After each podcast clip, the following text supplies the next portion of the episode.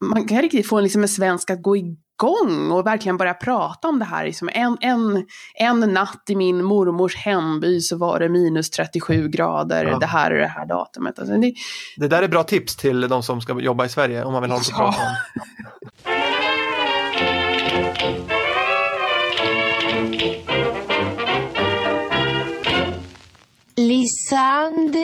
Lagom. Ja, välkomna till Lysande lagom, podden som handlar om svensk kultur, svenskt språk och om att lära sig svenska. Jag heter Emil Molander, jag är lärare i svenska som andraspråk och jobbar med sjukvårdssvenska. Och jag heter Sofie Tegsveden Duvå, jag driver företaget Be Swedish där jag jobbar med kurser i svenska och svenskhet. Ja, och du är ju författare också. Ja, jag har precis skrivit boken Working in Sweden, the A to Z Guide. Ja, vad är det för bok? Ja, det är en ganska enkel introduktionsbok till den utländska person som börjar jobba i ett svenskt företag och vill veta lite hur det fungerar med både praktiska saker, lite byråkrati, men också de här kulturella koderna som man måste så att säga förstå sig på eh, mm. om man är omgiven av svenskar. Just det, vi ska prata lite mer om den senare. Men du, jag tänkte börja så här. Jag träffade en, eh, en, ehm, en man här för ett tag sedan som fick jobb på universitetet. Han kommer från ett östland kan vi säga. Mm. Han började jobba där och ville liksom forska. Det var det, därför han var här. Han var här begränsad tid. Han ville skriva massor med artiklar. Han sökte samarbeten med sina svenska kollegor som, som satt där på samma institution. Ingen var intresserad. Han fick inte med sig någon. Han, han, han, han tyckte det var så konstigt. Han tyckte, han tyckte att alla var väldigt lata. Han så här, sa så här, men om man vill vara en scholar, så här, you have to work hard if you want to be a scholar. Publish or perish. sa han. Så Och de svenska kollegorna sa perish. Ja, de valde perish. Han kunde inte förstå det. Kan du förstå det? Ja, alltså det här med den svenska lättjan, det är ju ett ganska återkommande samtalsämne bland mina både klienter och utländska kontakter. Ja, kan dels... du trösta dem?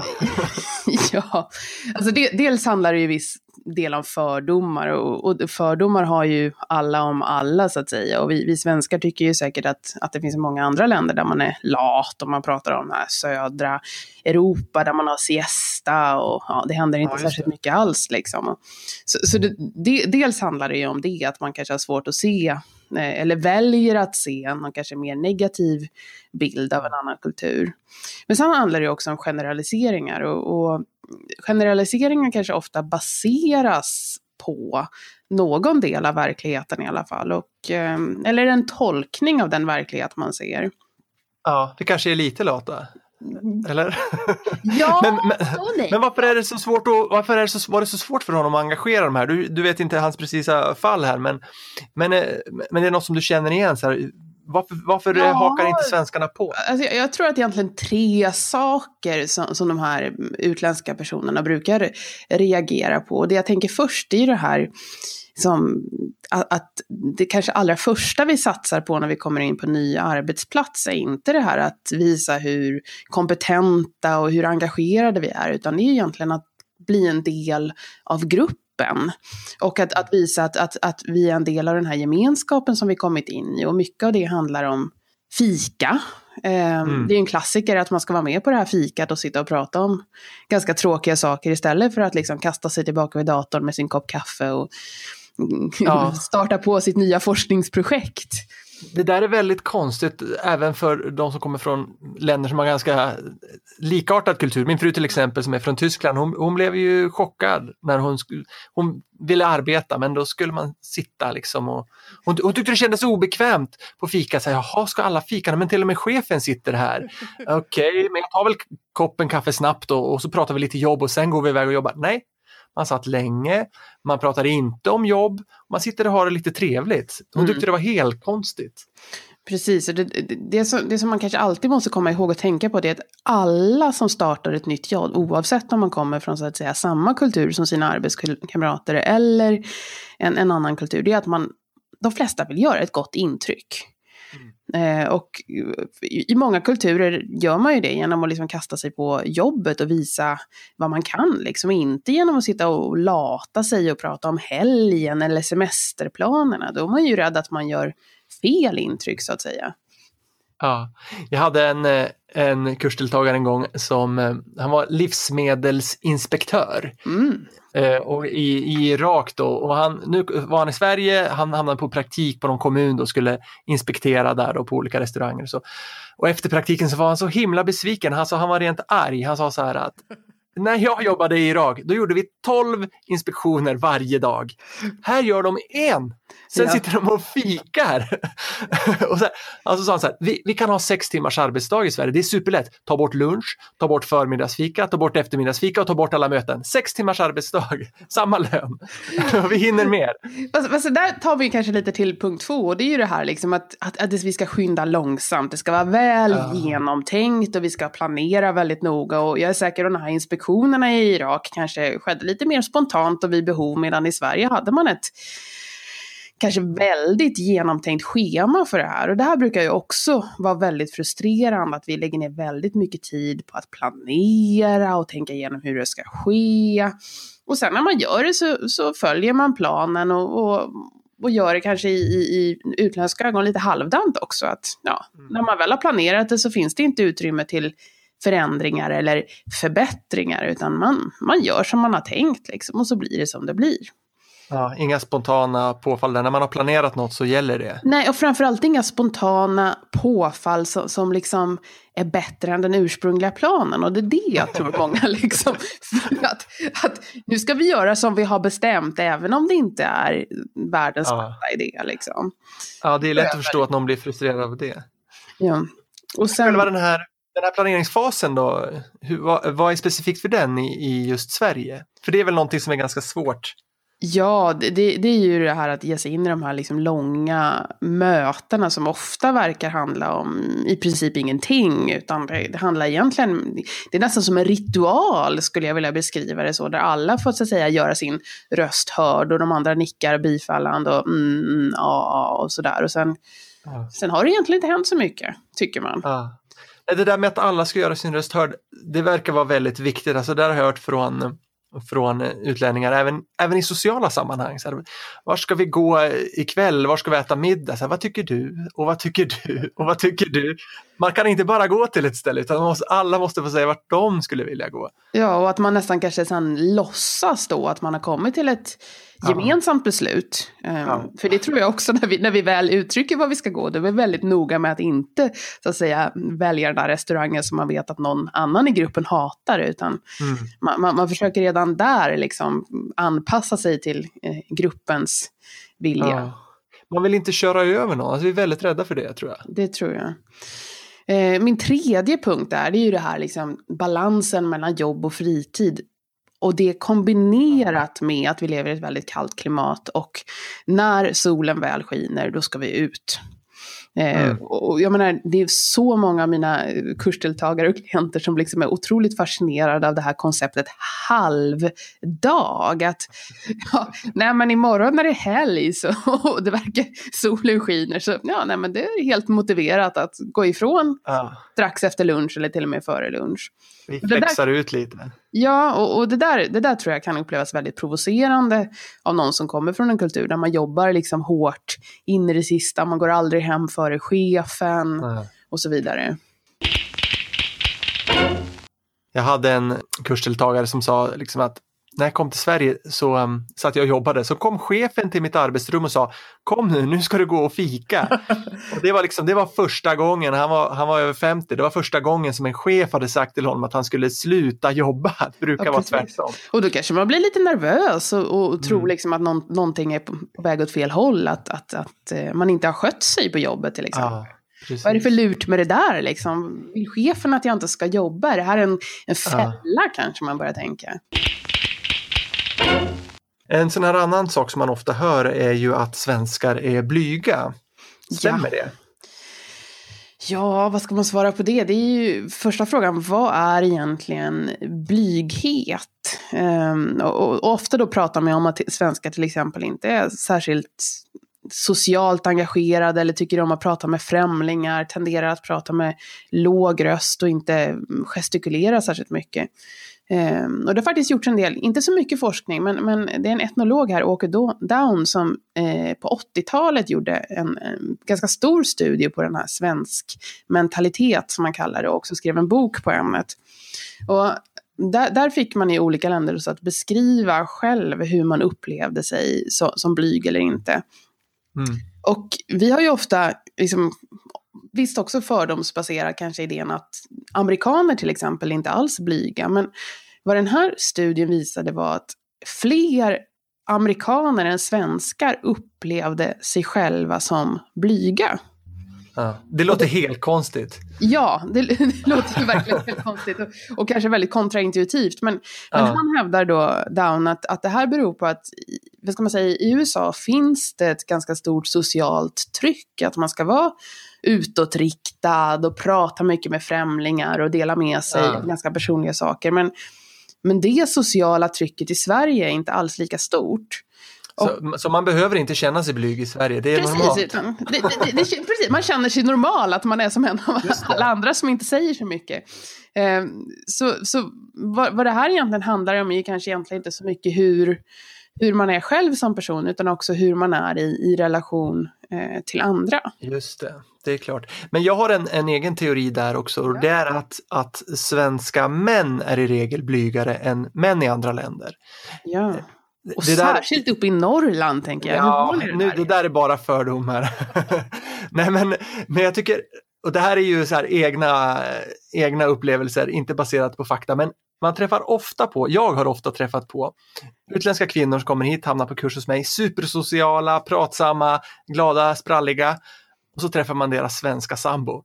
Knäpptyst, kan knappt säga hej, superblyg. Har du, har, du, har du träffat på typen? Vet du vad jag pratar om? Jo, ja, jo men det, det, det, jag kan instämma här. Och, jag tror ju här att de träffar, de har, det är ovanligt för dem med en man som inte pratar så mycket. Det är ovanligt i andra länder. Så träffar man en svensk som är sådär, då tänker man oj, han måste vara väldigt intelligent eller han har ett stort djup. Men egentligen så är han bara jätteblyg. Ja. Det där är min, min egen teori, vad tror du om den?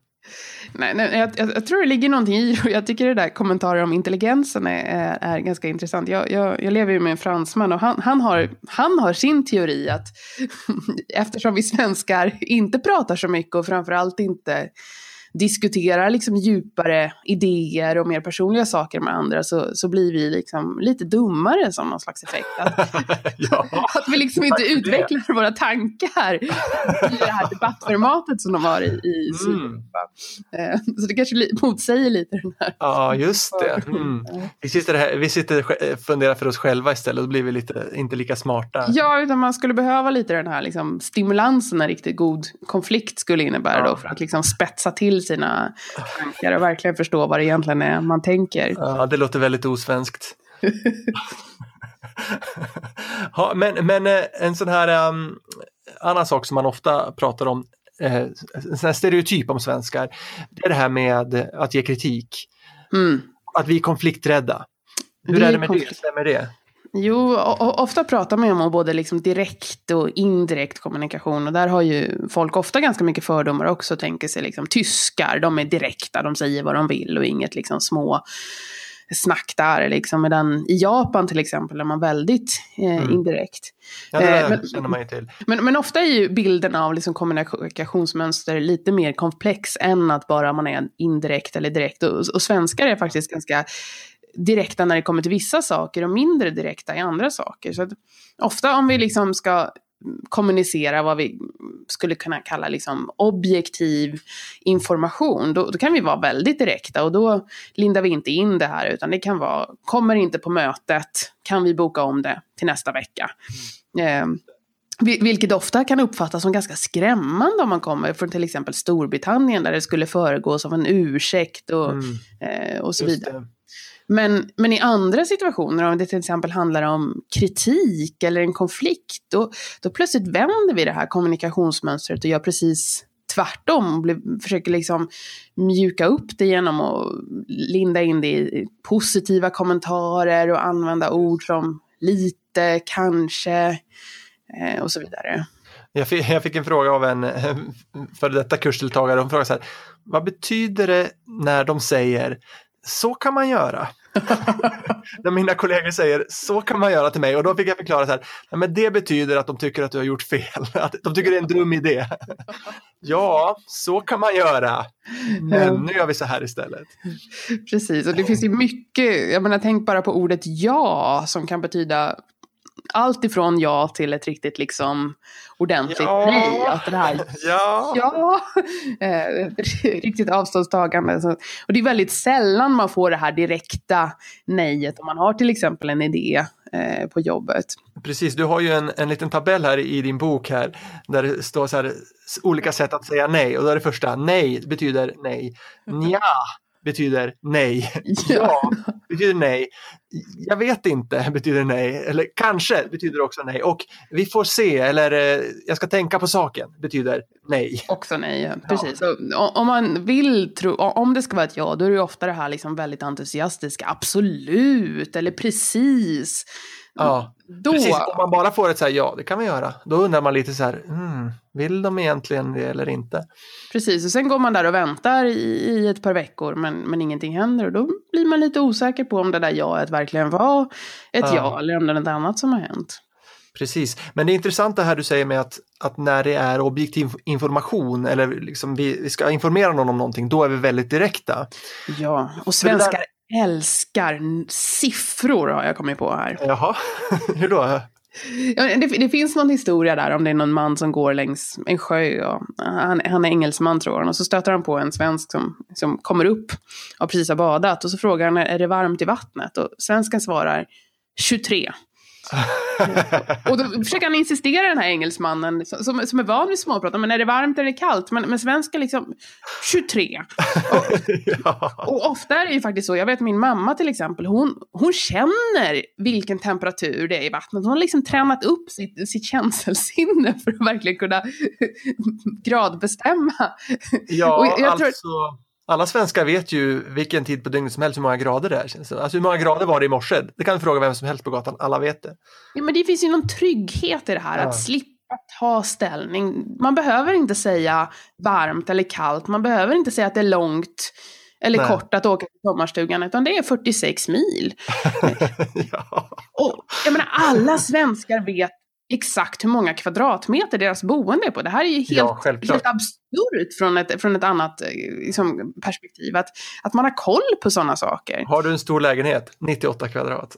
Ja, och, och, och kan till och med ja, men i, i annonsen stod det 99, men sen har vi mätt och det är 98. Mm. Och, ja, men det, det, det, är väldigt viktigt det där. Så jag, och, och man, man kan riktigt få liksom en svensk att gå igång och verkligen börja prata om det här. Liksom en, en, en natt i min mormors hemby så var det minus 37 grader, Ja. det här är det här datumet. Alltså det, Det där är bra tips till de som ska jobba i Sverige om man vill ha något att Ja. prata om. Precis. Kanske inte de mest konventionella liksom, konversationsstartarna som jag brukar kalla dem. Men, men, men det kan ofta liksom bryta en sån här jobbig tystnad eller att man inte vet hur man ska prata om någonting.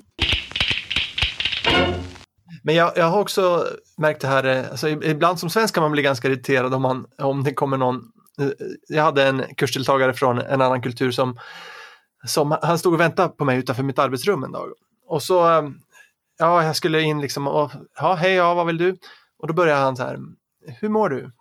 Ja, jag mår bra tack. Hur mår din fru? Ja, hon mår också bra. Hur mår dina barn? Ja, de mår bra. Så vad är det? Hur mår din, dina föräldrar? Och så, för, för i hans kultur så är det, det är väldigt oartigt att bara direkt säga vad man tycker, speciellt Ja, om ja. man liksom vill begära någonting av någon annan, utan då måste man först vara lite trevlig. Och det blir ju superirriterande. Till slut så frågar man sig, men vad vill du? Kom till saken. Precis, så där har ju du kanske inte heller så att säga varit trevlig tillbaka. För du kanske förväntades fråga om hans familj. Precis, precis det är så det går till. ja, men, men har du något tips eh, då till den som ska arbeta i Sverige, så här, när det, det här med att ge, ge kritik och få kritik? För nu har vi pratat om hur svenskarna Mm. Då, vad ska man göra som, eh, om man är utlänning och ska arbeta i Sverige och ge kritik? Ja, då kommer man ju först till frågan här, ska man anpassa sig till, till den nya lokala kulturen eller ska man hålla fast vid, vid sin egen? Och det där är ju ofta en ganska svår fråga för, för, för många. De känner ju att det nästan är i konflikt med deras integritet eller identitet att liksom ändra på sig. Ja, vi kanske Eh. behöver lite eh, nytt blod på olika sätt i det här landet också. Det kanske är bra Ja, med folk nej, som... nej, nej, men det, det brukar jag också säga. Jag tycker det, jag menar, kultur förändras alltid och, och att, Ja. att det flyttar in människor, det är ju en del av vår kultur och att, att eh, en anledning till att det förändras och det har förändrats tidigare, så det, är- det är inget nytt. Eh, men däremot tycker jag det är viktigt att man som utländsk person i ett land ska veta vilka regler eller vilka normer man har att göra med. För att en dag sitter man där i en situation och verkligen vill göra ett gott intryck eller vill övertyga någon att ta det beslut man själv vill ta. Liksom. Och då kan det vara bra att kunna de här eh, sociala koderna och svenska sättet att göra det. Ja. Och då eh, handlar det ju om liksom att om det handlar om kritik eller en konfrontation, då ska man tona ner det eh, och ta det så försiktigt som möjligt. Och det finns ju den här ganska populära sandwich-metoden, att du börjar med något positivt. Och sen får du in liksom det, det riktiga budskapet. Det man sen, egentligen vill säga. Ja, precis. Och sen avsluta med något, ja men det var bra ändå. Ja. Och, och det där brukar faktiskt inte vara särskilt svårt för, för många när de väl liksom har accepterat att det där inte, eh, så att säga, inkräktar på deras person. Men däremot kan det måste vara svårt att faktiskt förstå vad svenskarna menar. Mm. Att själv lyckas liksom hitta det där riktiga budskapet mitt i den här stora dubbelmackan liksom av massa Ja.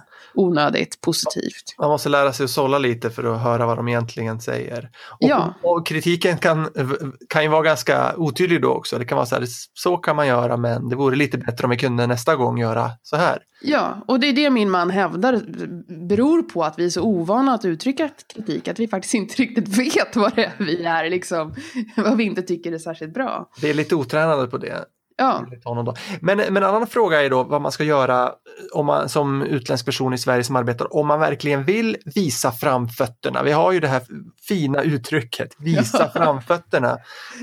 Göra ett gott intryck på jobbet och liksom verkligen eh, lyckas. Vad gör man då? Man ska inte jobba för hårt, man ska liksom inte ta över någon annans arbetsuppgifter eller liksom konkurrera ut någon och sådär. Nej, jag, jag tror det handlar väldigt mycket om att bli en del av, av teamet, liksom, och bygga förtroende med sina kollegor och, och sätta sig där nere och fika och prata om hur många mil det är till sommarstugan och hur mycket man springer på helgen och hur gamla gammal katten är och sådär. Att, att, att starta med den här, de här ganska egentligen meningslösa och, och ytliga relationerna som man säkert tycker att det är.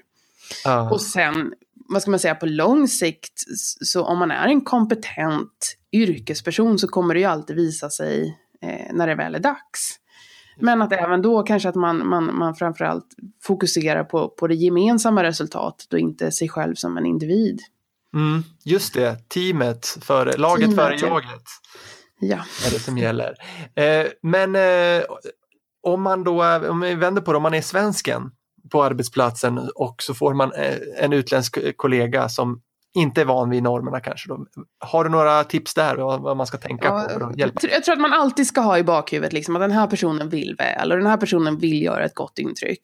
Eh, och, och, och, och ge- genom det så tror jag att man får en mycket större accept, eller tolerans för det som man kanske upplever som avvikande eh, beteende.